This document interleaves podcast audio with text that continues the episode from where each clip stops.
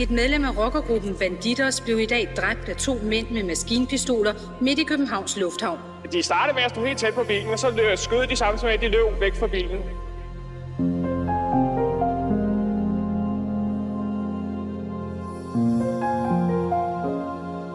Sådan lød det i nyhederne den 10. marts 1996, hvor et blodigt angreb havde fundet sted samme eftermiddag midt imellem flyrejsende, lufthavnsansatte og tilfældige forbipasserende. Senere blev det betegnet som noget nær et mirakel, at ingen civile blev ramt af skud, og at der ikke kom flere dødsoffre i kølvandet på attentatet. Vi går i denne udgave af Danske Drabsager tæt på lufthavnsattentatet, som mange mener blev startskuddet på den store nordiske rockerkrig i Danmark. Sammen med en række fageksperter hører vi om de hektiske, kaotiske tilstande i minutterne efter drabet og drabsforsøgene. Vi hører om politiets massive efterforskning i et ellers lukket miljø.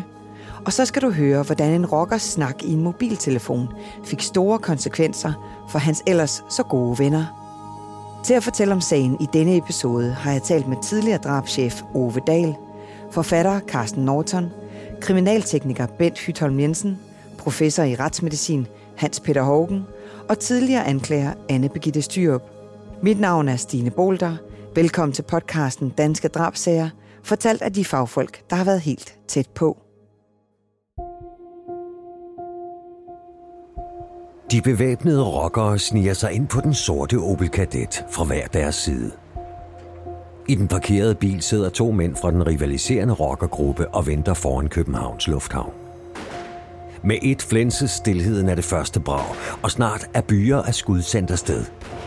Glasset i bilens forrude smadres, og bag rattet synker den hårdt sårede rocker sammen. Mens livet æbber ud af ham, vælter hans kammerat væk fra bilen. Heldet tilsmilede ham. Han slap væk med livet i behold. 150 meter derfra starter et andet skudattentat, og tilfældige borgere må skrigende kaste sig i sikkerhed. Et offer står med blodet silende fra ansigtet. Hans kæbe er næsten skudt væk. Men alligevel lykkes det ham at komme væk fra dødspatruljen. Da magasinerne er tømt, stikker de bevæbnede rockere af og efterlader sig et spor af blod og død. Vi skal tilbage til marts 1996, hvor vi i Danmark endnu ikke havde den store nordiske rockerkrig helt tæt på. Den rasede i flere andre nordiske lande, men indtil da var vi danskere forskånet. Men da rockergrupperne Banditers og Hells Angels så pludselig tørnede sammen, blev det langt fra fredeligt. Forfatter, rockerekspert og journalist Carsten Norton har sat sig ind i sagen og talt med mange fra den tid – her tager han os med tilbage til det skæbnesvangre møde. Søndag den 10. marts 1996, der er der en gruppe banditers medlemmer, som er kørt til Københavns Lufthavn i Kastrup. De er i alt syv mand, fordelt i nogle biler, som holder i øh, det, man kunne kalde sådan et øh, korttidsparkeringsområde ude foran ankomsthallen. Grunden til, at de er taget derud, det er, at de skal hente nogle af deres kammerater, som kommer hjem fra en tur til Finland. Mens de her fyre de holder i deres biler ude i lufthavnen, der ankommer der en øh, delegation fra Hells Angels, også i flere biler. Nogle af dem stopper foran en øh, lille, ondselig Opel Kadett. De springer ud foran kadetten, trækker pistoler og begynder at skyde mod denne her bil, hvor der sidder en øh, ung fyr, som i miljøet bliver kaldt Sir Hiss, og en af hans kammerater. HA'erne tømmer magasinerne hen mod forruden af kadetten. Sir Hiss bliver ramt af flere skud, og hans øh, kammerat har held til at dukke sig og kaste sig ud gennem døren i siden af bilen. Samtidig med, at det her skyderi finder sted, udspiller der sig et næsten tilsvarende scenarie ret kort derfra. Der holder nogle af de andre banditers folk i en bil, og også her bliver der skudt mod dem. De her banditers medlemmer har held til at kæmpe sig ud af bilen, og nogle af dem sætter straks kurs ind mod øh, ankomsthallen for at søge hjælp. Og der skal man så forestille sig sådan en situation her i Kastrup Lufthavn en øh, søndag i marts, der er fuldstændig øh, proppet med almindelige turister på vej til og fra ferie, forretningsrejser og alt muligt andet. Og pludselig så kommer der en gruppe hårdt sårede rockere øh, humpende ind gennem indgangspartiet i håbet om at komme i, i ly for de her skud, der er mod dem. Både øjenvidner til skyderiet mod Sir Hiss og øh, øjenvidner til den anden episode, de fortæller efterfølgende, at de faktisk troede, at det var en filmoptagelse, de var havnet i.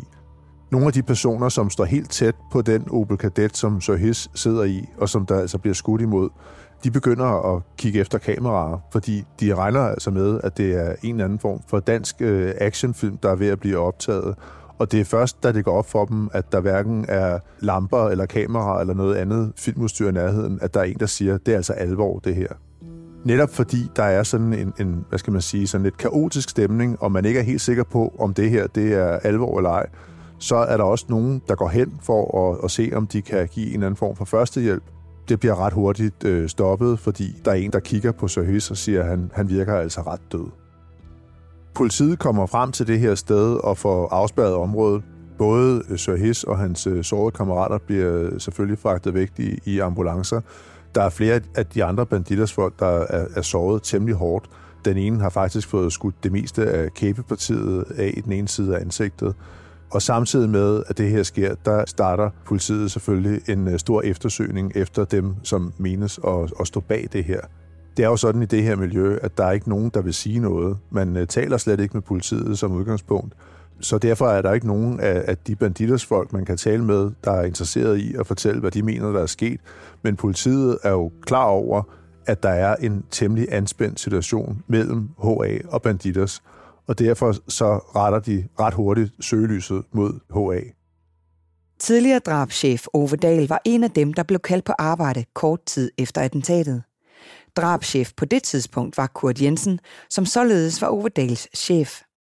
Allerede inden angrebet var Københavns politi yderst opmærksom på, om de to rockergrupper ville støde sammen, også her i Danmark. Ove Dahl fortæller herom, hvad han husker fra de hektiske timer.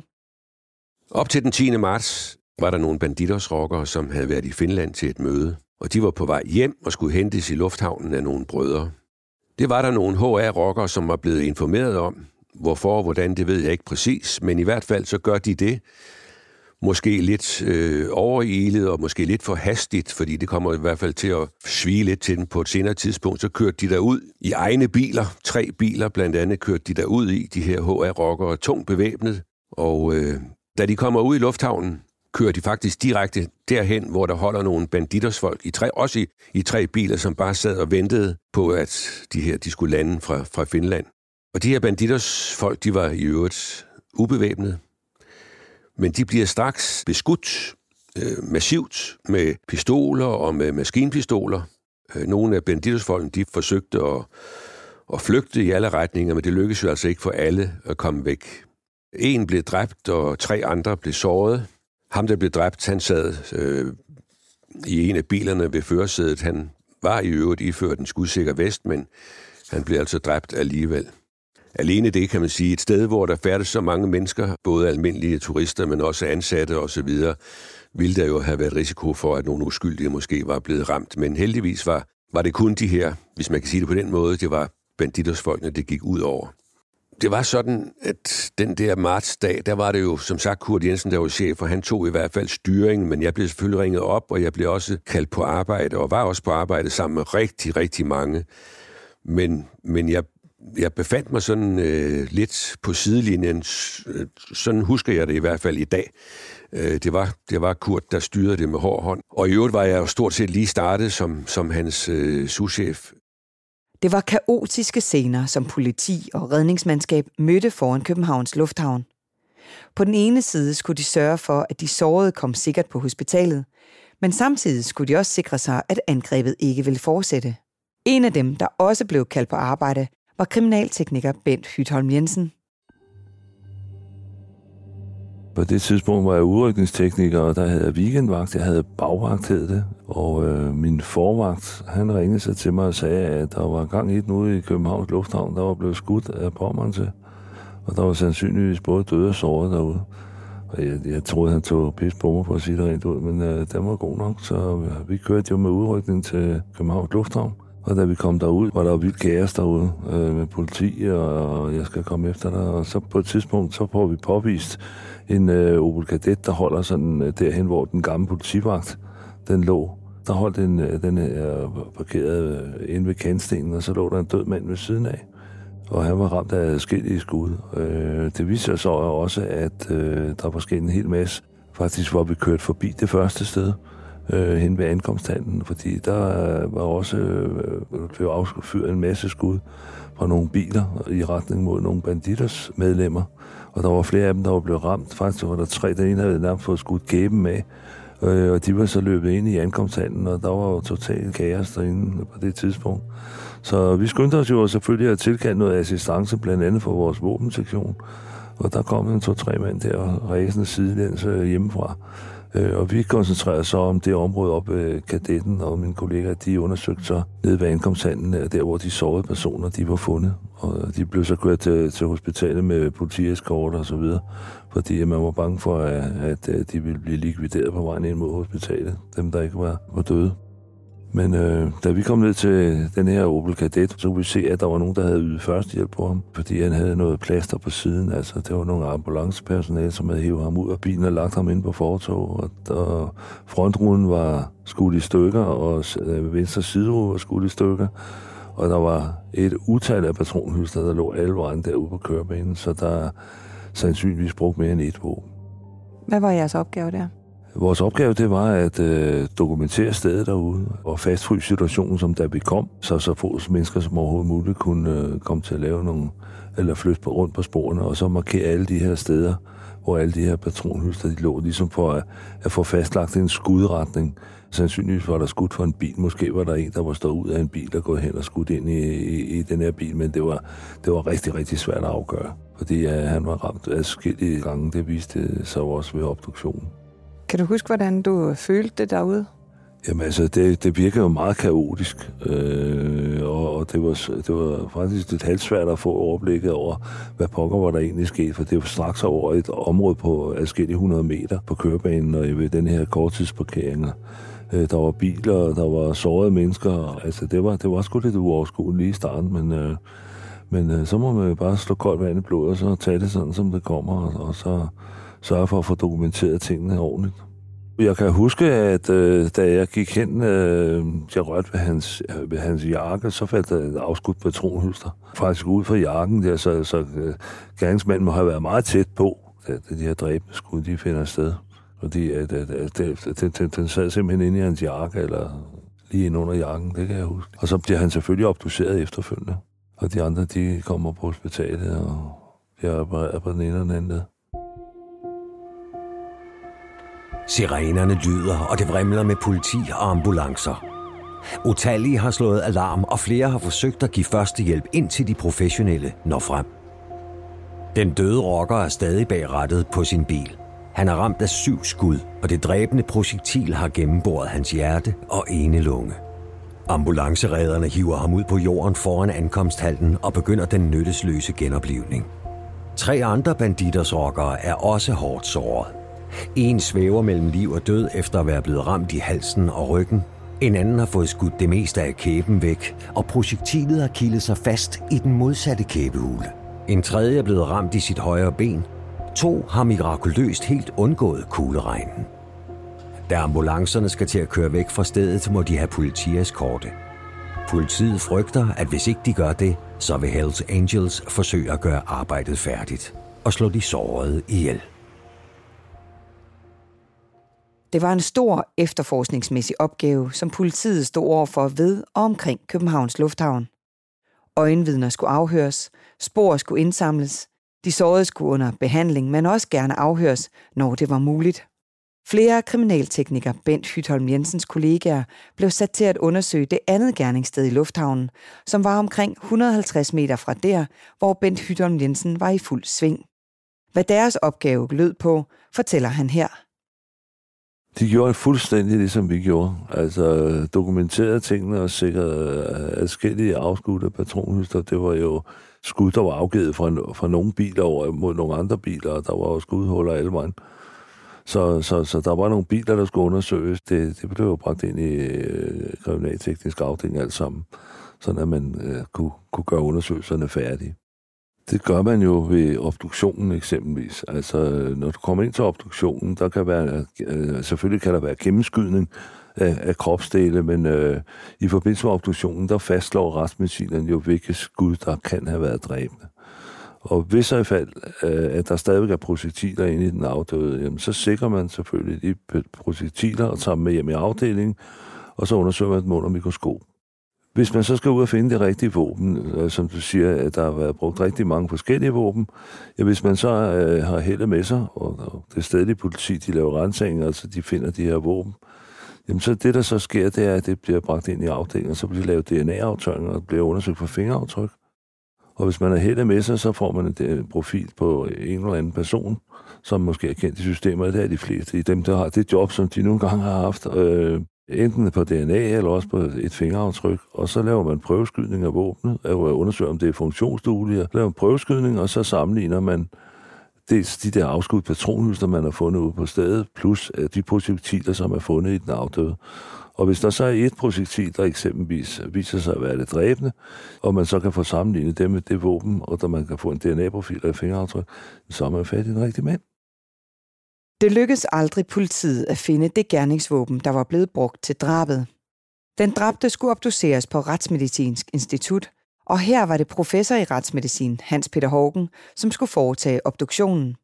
Han kunne hurtigt konstatere, at selvom den afdøde havde båret en skudsikker vest, så havde den ikke hjulpet ham. Det viste, at han var blevet skudt.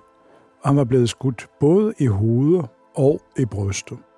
Og det, der var det interessante med øh, skuddene i brystet, det var, at det var, øh, skuddene var gået ind i siden, det vil jeg altså sige, som flanken på siden af brystet. Og så kan man sige, jamen han havde jo skudsikker vest på. Ja, men en skudsikker vest består af en del, som dækker brystet, og en del, som dækker ryggen, og så er det ikke nogen beskyttelse i siden af flanken. Og der var der også gået et par skud ind. Og der var han jo ikke dækket af sin skudsikre vest. Var det noget, I snakkede om på Retsmedicinsk Institut? Ja, det snakkede vi jo naturligvis om, hvor vi jo fik syn for sag med, at øh, en skudsikker vest, ja, den er jo kun skudsikker, hvis man bliver ramt på det område, hvor, hvor vesten dækker. Bliver man ramt andre steder, så, så hjælper du ikke så meget at have skudsikker vest på. Og i offret her var også blevet ramt i hovedet, så? Ja, og hovedet, det er jo klart, der, man har jo ikke skudsikre veste, som dækker hovedet. Så det siger sig selv. Mens den afdøde rocker og de sårede var blevet kørt væk fra gerningsstedet, fortsatte Bent Hytholm Jensen og hans kollegaer deres store arbejde med at indsamle spor. Vi øh, lavede øh, kridtstreger rundt omkring alle de her patronhylster, der lå, lå derude, og markerede dem med, med nummer. Og så sikrer vi dem selvfølgelig alle sammen, så at vores våbenteknikere efterfølgende, de, øh, hvis i fald man får fat i de rigtige våben, kan identificere, hvilke våben, der har været benyttet. Hvor, hvorfor tegner man sådan en kridtstreg rundt om? Det er jo for at skabe overblik over billederne, sådan at man ligesom kan sætte nogle nummerskilter op, og, øh, sådan at man ligesom får et overblik over, hvor mange patronhylster der er i virkeligheden, eller hvor mange skud der i virkeligheden er afgivet. Efterforskerne sad ikke på deres hænder, og alle kræfter blev sat ind for at finde frem til gerningsmændene. Man havde en klar idé om, at man skulle se i retningen af offrenes ærkerivaler, Hells Angels. Carsten Norton fortæller. Allerede næste formiddag laver politiet en koordineret aktion i øh, Titangade mod Hells Angels klubhus. De har ligget klar længe. De har kørt en bil i stilling, så de via taget kan komme ind over rækværket til klubhuset.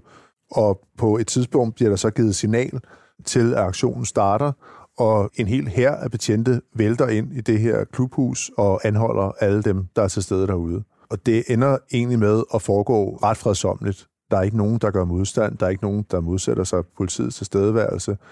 Og efterfølgende så starter der så en lang, lang proces med, at øh, politiet skal afhøre alle de her folk, de har anholdt derude.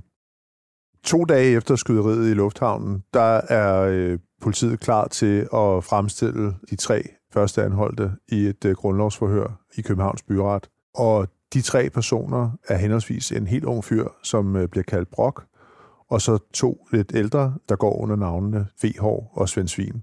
Det her grundlovsforhør ender med, at de tre personer bliver varetægtsfængslet, og mens de sidder bag trammer, så fortsætter politiet en måned lang efterforskning af denne her sag, og de øh, når at øh, anholde flere personer, som de øh, mistænker for at have været med til det her attentat i lufthavnen.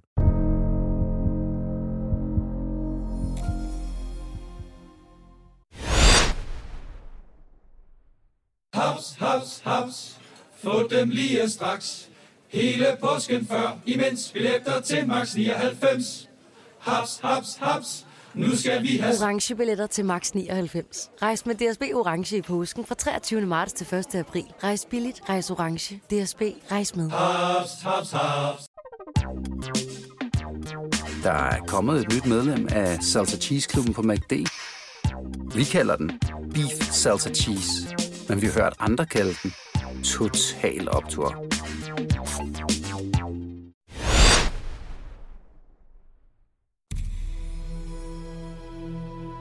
Samtidig med skuddramaet i Københavns Lufthavn blev en mand skudt ned i Oslos Fornebu Lufthavn. Politiet i Norge samarbejder nu med svenske, finske og danske kolleger for at finde ud af, hvad der er sket. En teori er, at episoden i Oslo er nøje koordineret med skuddramaet i København. Lydbiden her er fra TV2-nyhederne, som ligesom alle andre medier omtalte skuddramaet indgående. En teori var, at de to væbnede overfald i København og Oslo var koordineret. Det vender vi tilbage til, for alle motiver og teorier skulle vendes. Carsten Norton fortæller. Lige siden Bandidos åbnede deres første klubhus i Danmark i øh, 1993, der har politiet haft et blik rettet mod denne her situation. Man skal huske på, at i 93, der var det ikke så utrolig længe siden, at øh, HA havde været i en voldsom konflikt med, med bullshit. Og det, at der pludselig kom en ny international stor rockerklub til Danmark, det gjorde selvfølgelig, at der opstod en eller anden frygt for, at der kunne komme en ny krig. I den følgende tid var der også nogle ret voldsomme sammenstød mellem HA og Banditers andre steder i Norden. Der var også folk, der blev dræbt, men det var altså ikke noget, der sådan ligefrem rykkede ind i Danmark. Men det gjorde det altså i kraft af det her attentat i lufthavnen. Det er jo langt fra tilfældigt, at det her attentat finder sted lige præcis denne her dag. I det fly, som øh, er på vej fra Helsinki til København, der er der en stor delegation af folk fra både Hells Angels og Bandidos. Bandidos-medlemmerne de har været i øh, Finland for at fejre åbningen af et øh, nyt klubhus, og Hells Angels-folkene de har været i øh, Finland for at deltage i en øh, tatoveringsfestival. Og det vil jo sige, at det her fly, det indeholder repræsentanter fra begge sider, som lige pludselig bliver konfronteret med hinanden, og konfronteret med, at de har været det samme sted, nemlig i Helsinki, men med forskellige interesser. Og det er klart, det skaber en voldsomt anspændt situation allerede i lufthavnen i Helsinki.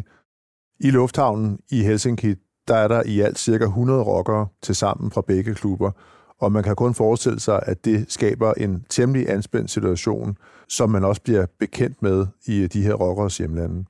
Tidligere drabschef Ove Dahl husker tydeligt det store efterforskningsarbejde, han og de øvrige efterforskere stod overfor.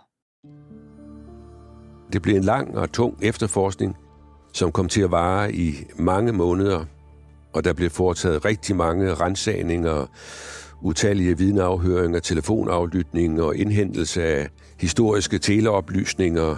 Videooptagelser blev gennemgået, og mange andre efterforskningsskridt blev, blev foretaget. Det var svært at skaffe konkrete beviser i sagen. Mange var bange for at sige noget, og andre ønskede ikke at tale med politiet.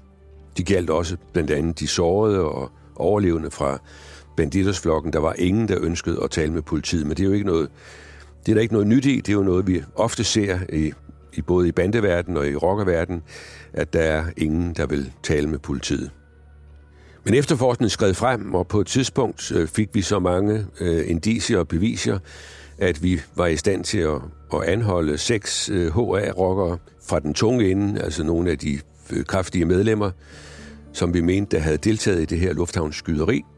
De blev sigtet i sagen, og der blev også senere rejst tiltale. Alle nægtede sig skyldige. Sagen var ekstra tung, fordi det altid er svært for politiet at efterforske i de lukkede miljøer.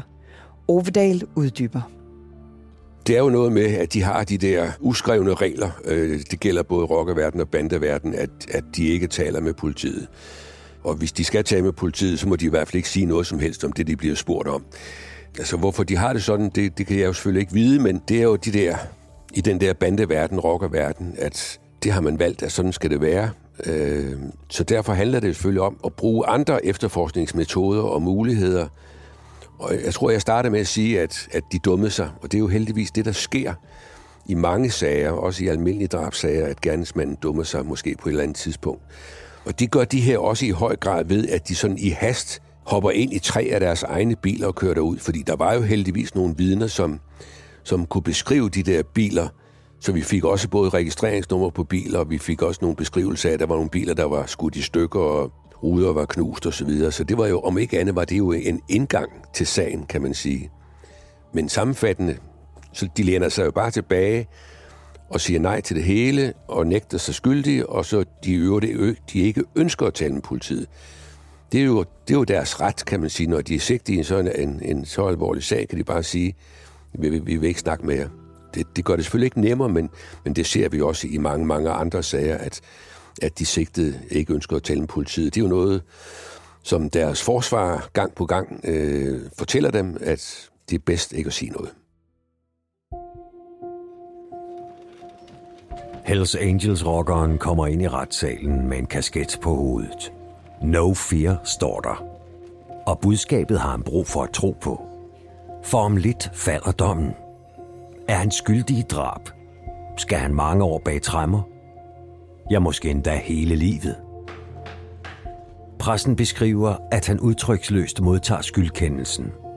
Men da straffens længde bliver afsagt, udbryder HA'eren. Yes! De 16 års fængsel er tydeligvis til at leve med, frem for fængsel på livstid.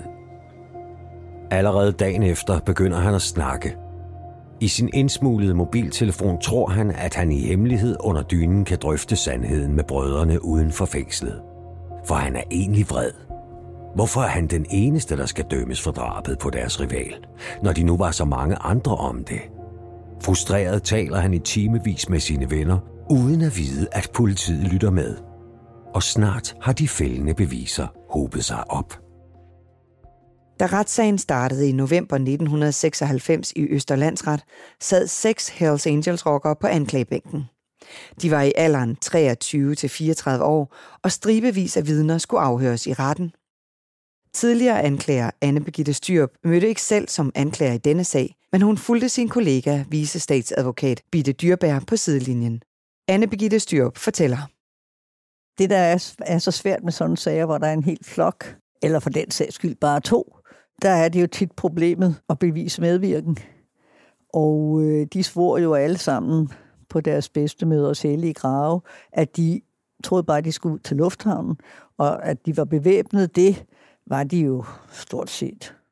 Og der kunne man altså ikke løfte bevisbyrden for andet end ham, der rent faktisk havde skudt.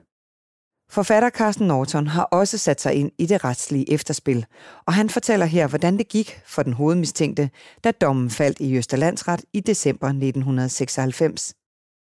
Da sagen så kommer for landsretten senere, der ender det faktisk med, at det kun er den øh, 24-årige Brock, Brok, der bliver dømt for det her drab. Og øh, dengang, der var der journalister, der talte med hans øh, familie, og øh, der var man ikke i tvivl om, at det var simpelthen aftalt på forhånd, at Brock som yngste manden og som øh, nylig optaget i HA, han var den, der skulle tage skylden for det her attentat, og han så i øvrigt ville blive belønnet af sin klub for at tage den her straf. Med en dømt skyldig i drab og to andre idømt 6 og 8 års fængsel for forsøg på manddrab, så skulle man tro, at den voldsomme sag havde fundet sin afslutning. Men de tre frifundne rockere kom ikke til at nyde friheden længe. Carsten Norton forklarer. Mens Brock sad i fængsel, der lykkedes det ham at få fat i en øh, mobiltelefon, som han havde, troede han selv, skjult inde i cellen. Det var sådan, at politiet faktisk lyttede med på denne her mobiltelefon, og under de her samtaler, som øh, Brock havde med sine klubkammerater, der brokkede han sig over, at han skulle sidde inde i fængslet mens hans øh, kammerater gik rundt ude i det fri.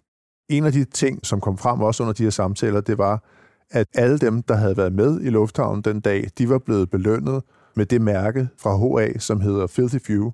Det er et lille sort-hvidt stofmærke, som man sætter på brystet af lædervesten, og det var og er politiets helt klare opfattelse, at det her det er et mærke, man, man får som en slags belønning for, at man har slået ihjel for sin klub. de her aflytninger af samtalerne og detaljen med stofmærket, som flere jo altså havde fået en, øh, en brok, det førte faktisk til, at sagen blev genoptaget.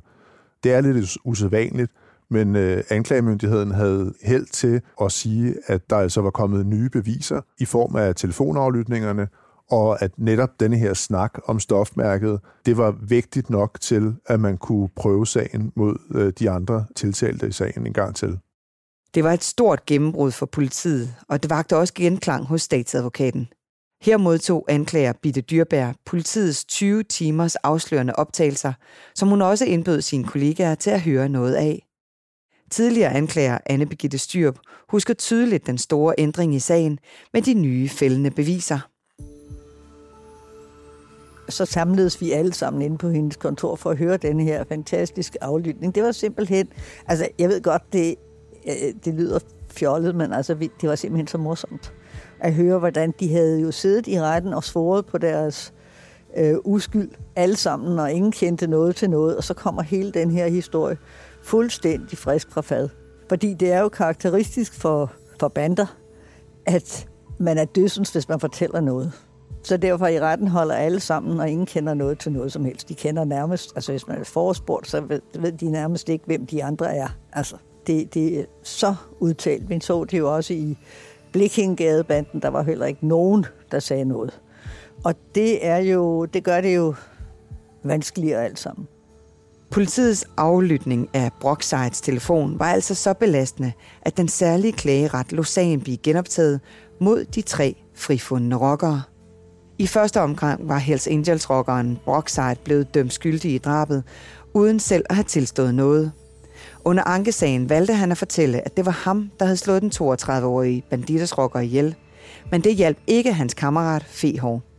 For selvom Fehår i første omgang altså var blevet frifundet, så blev han dømt skyldig i drab ved Østerlandsret, og siden ved højesteret blev han idømt livsvarigt fængsel, selvom Brockside alene havde fået 16 års fængsel for samme forseelse.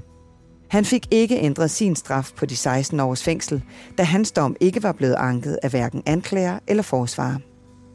De to andre først frifundne rockere endte også med at få hver næsten 12 års fængsel i højesteret.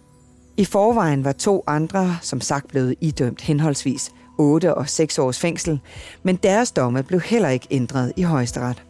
Mange fagpersoner fra den tid omtaler sagen som et gennembrud for politiets efterforskning i de ellers så lukkede kredse. Anne Begitte Styrup fortæller. Jeg fulgte meget med i den, fordi øh, den havde så meget presseomtale, og den havde de der helt særlige kendetegn. Men at høre den der samtale, den aflyttede samtale ud fra Vesterfængsel, det var altså, det var, det var noget, som vi virkelig øh, morede os meget over, fordi det er jo tit sådan, at man hører på alle de der løgnhistorier, og så på et tidspunkt, så er der en eller anden, der fortæller, hvordan der virkelig skete, og så er det ikke så sjældent, man får, at det er præcis den teori, og det man selv har fremført i retten for eksempel. Jeg oplevede det med en sag der, med italiener drabet, hvor de også begge havde svoret alt muligt. Men så havde den mindste af de fædre, han havde så fortalt til en journalist, og det var ord til andet. Det jeg sagde i min procedure, at jeg tror bestemt, det må være på baggrund af de der samme små bemærkninger og små ting, at jeg kan ligesom spille en film for jer, så det er sådan her, det foregik. Og det var det. Og det var både efterforskeren og jeg meget, meget tilfredse med.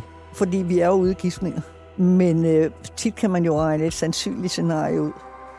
Og det var det, man havde jo, efterforskerne havde regnet ud i lufthavnen. Og så pludselig så kommer hele historien fra frisk fra fad. Øh, jeg tror ikke, at han fik mange point for det i sine, øh, i sine kreds. Drabet på den italienske turist, som Anne Birgitte Styrup omtaler, har vi også lavet som en podcast. Du finder den ved at søge på Mordet på den italienske turist i din podcast-app. Forfatter, rockerekspert og journalist Carsten Norton har skrevet to bøger om Hells Angels historie, og derfor har han naturligvis sat sig særligt grundigt ind i den drabsag, vi har beskæftiget os med i dag. Fordi den netop af mange opfattes som startskud på den store nordiske rockerkrig i Danmark. Carsten Norton fortæller. Drabet i lufthavnen er jo det, der bliver til startskuddet for den store nordiske rockerkrig i Danmark. Det er en konflikt, som allerede inden for den følgende måned giver udslag i flere meget, meget voldsomme attentater. Der bliver brugt både panservandsraketter, håndgranater, bilbomber og skydevåben af enhver slags. Og øhm, alene i Danmark, der er det jo en konflikt, der på bare 18 måneder ender med at koste fem mennesker livet. Også tidligere kriminaltekniker Bent Hytholm Jensen har ofte tænkt tilbage på rockerkrigen og de mange ofre, der kom til skade eller faldt i den krig. Så tænker jeg, at det er for mig uforståeligt, at man kan blive så dybt involveret i, i, det her, øh, i de her klubber. De lever jo af kriminalitet, selvom de påstår det modsatte. Man kan kun håbe på, at det går ud over dem selv, når de har gang i det der. Politiet i hele Danmark og især i drabsafdelingen i København fik travlt i de år, hvor den store nordiske rockerkrig stod på. Det mærkede tidligere drabschef Ove Dahl og hans kollegaer i den grad. Der var attentater overalt i landet, og det skårte jo ikke på fantasien med hensyn til, hvilke våben der blev brugt. Der blev brugt alle former for skydevåben, håndgranater, sprængstof, panserværnsraketter, der blev brændt huse af, og der blev brændt biler af. I København, der havde vi, der havde vi øh, i alt syv attentater, ikke alle med dødelig udgang, men, med, med, med flere andre med dødelig udgang, og dem, det lykkedes os heldigvis at opklare alle sagerne. Men altså mange blev dræbt og såret i begge lejre, og vi som sagt så opklarede vi, det, det lykkedes politiet at opklare en, en række af disse drab og drabsforsøg, som medførte, at mange rockere på begge sider blev idømt nogle hæftige fængselsstraffe og dermed taget ud af drift. Og så længe de sidder i fængsel, laver de jo ikke alvorlig kriminalitet ude i samfundet.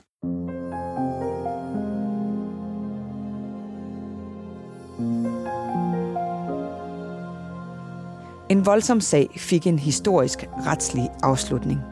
Som du har hørt, bullerede krigen videre, før den sluttede i 1997. Det kan du også høre om i vores afsnit af Danske Drabsager, som hedder Krigens sidste offer. Du kan også høre om angrebet mod et Hells Angels klubhus.